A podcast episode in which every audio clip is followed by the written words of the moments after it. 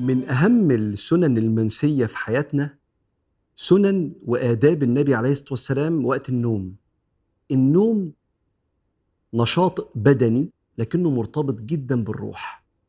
كتير تصحى من النوم مقريف وتحس إن قلبك مقبوض وكتير تصحى من النوم وإنت مبسوط كده وحاسس إن إنت يومك هيبقى حلو. ده مرتبط بصعود الروح عند الله.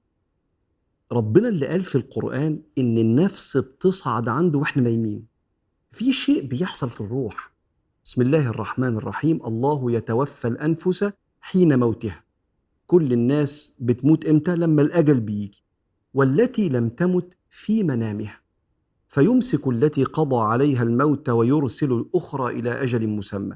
معنى الآية لو لم يتوفى الإنسان يعني لسه عايش بيتوفى كل يوم في النوم يعني بتصعد نفسه إلى الله والتي لم تمت في منامها يعني بيتوفى في منامه.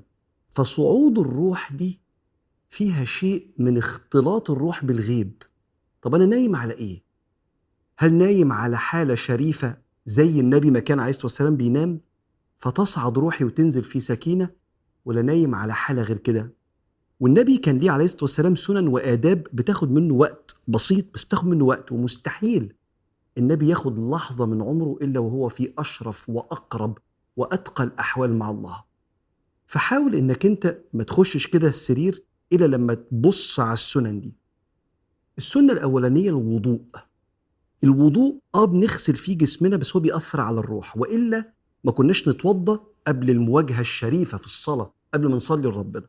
فالنبي عليه الصلاة والسلام بيقول لك في السنة الأولى في سنن النوم إذا أتيت مضجعك فتوضأ وضوءك للصلاة. بس خش سرير بس متوضي اعمل كده لو تقدر. السنة التانية إن الإنسان ينام على جنبه الأيمن برضه لو تقدر. كل دي سنن.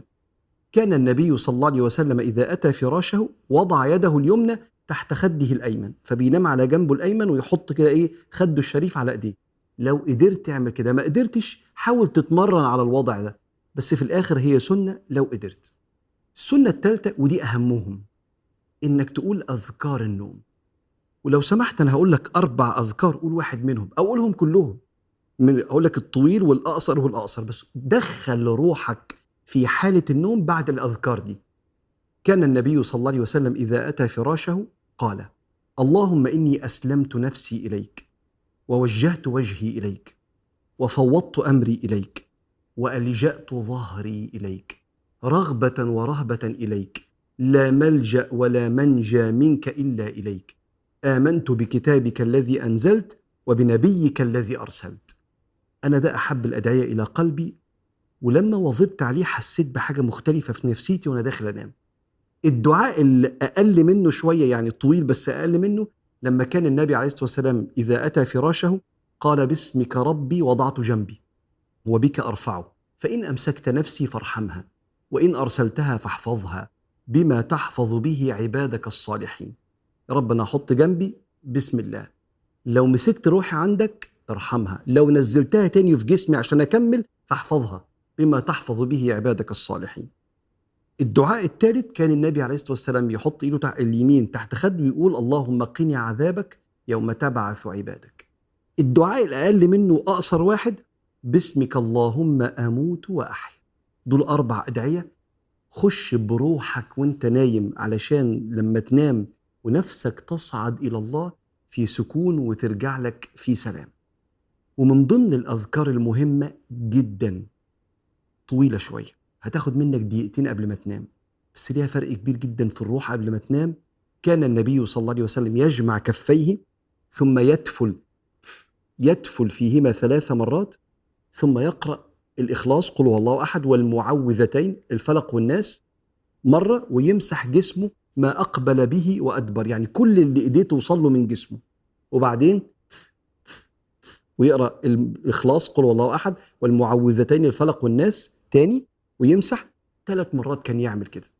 تفرق معاك جدا في سكينة روحك قبل ما تخش للسرير. السنة الرابعة دي للشخص اللي داخل السرير تعبان جدا وعنده عدد ساعات نوم قليلة وعايز يصحى قوي. ستنا فاطمة وسيدنا علي بن أبي طالب طلبوا من النبي خادم يساعدهم في شغل البيت. ما كانش عنده قدرة إن هو يمدهم بخادم. فقال ألا أخبركم بما هو خير لكما من خادم؟ إذا أويتم إلى فراشكما فكبر 34 الله أكبر وسبح 33 وأحمد 33 سبحان الله 33 الحمد لله 33 الله أكبر 34 ذلك خير لكما من خادم. يبقى جربها وشوف إزاي لو أنت غصب عنك يعني عندك حاجة لازم تصحى لها بدري تصحى إن شاء الله بقوتك. أما السنة اللي بعد كده وهي سنة لو فقت لو قلقت في وسط الليل. اللي بيقلق في وسط الليل كده بيقول لا إله إلا الله وحده لا شريك له له الملك وله الحمد يحيي ويميت وهو على كل شيء قدير. سبحان الله والحمد لله ولا إله إلا الله والله أكبر. فإذا دعا استجيب له. قلقت وبعدين يعني إيه؟ عارف زي ما جالكش نوم قول الذكر ده كده وده يبقى إيه دعوة. إن شاء الله تروح في النوم على طول ويغفر لك ذنبك.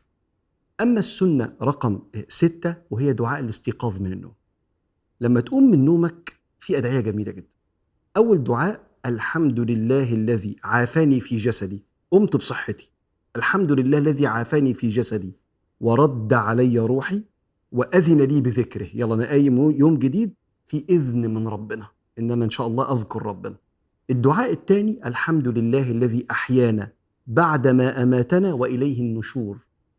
معنى الدعاء ده الحمد لله إن ربنا صحاني بعد النوم وفي نومة بعدها صحيان على الحساب النشور يوم تنشر الكتب عشان نتحاسب. فبتفكر نفسك بلقاء ربنا الحمد لله الذي أحيانا بعدما أماتنا وإليه النشور. أما السنة السبعه من سنن النوم هي إنك أنت ما تاثرش في حق نفسك في عدد ساعات النوم. بتشتغل بتدرس ايا كان ما تنامش أقل من ست ساعات في اليوم من ستة لثمان ساعات. بشرط إنك أنت تاخد القسط الوافر عشان وأنت صاحي تبقى جد وما تضيعش وقت. فسيدنا عبد الله بن عمر آه، النبي عرف إنه ما بينامش بالليل إنه بيصلي. قال له لا ما تعملش كده. اخبرت أنك لا تنام بالليل. وبعدين النبي نهاه ثم قال إن لبدنك عليك حقا فنام كويس وزي ما سيدنا النبي عليه الصلاة والسلام نهى ابن عمر إن هو تعدي عليه أيام ما ياخدش قسط وافر من النوم فيبقى دايما طول اليوم همدان وتعبان. فدول سبع سنن من سنن النوم اللي ليه علاقة في ديننا قوي بوصل الروح بربنا سبحانه وتعالى.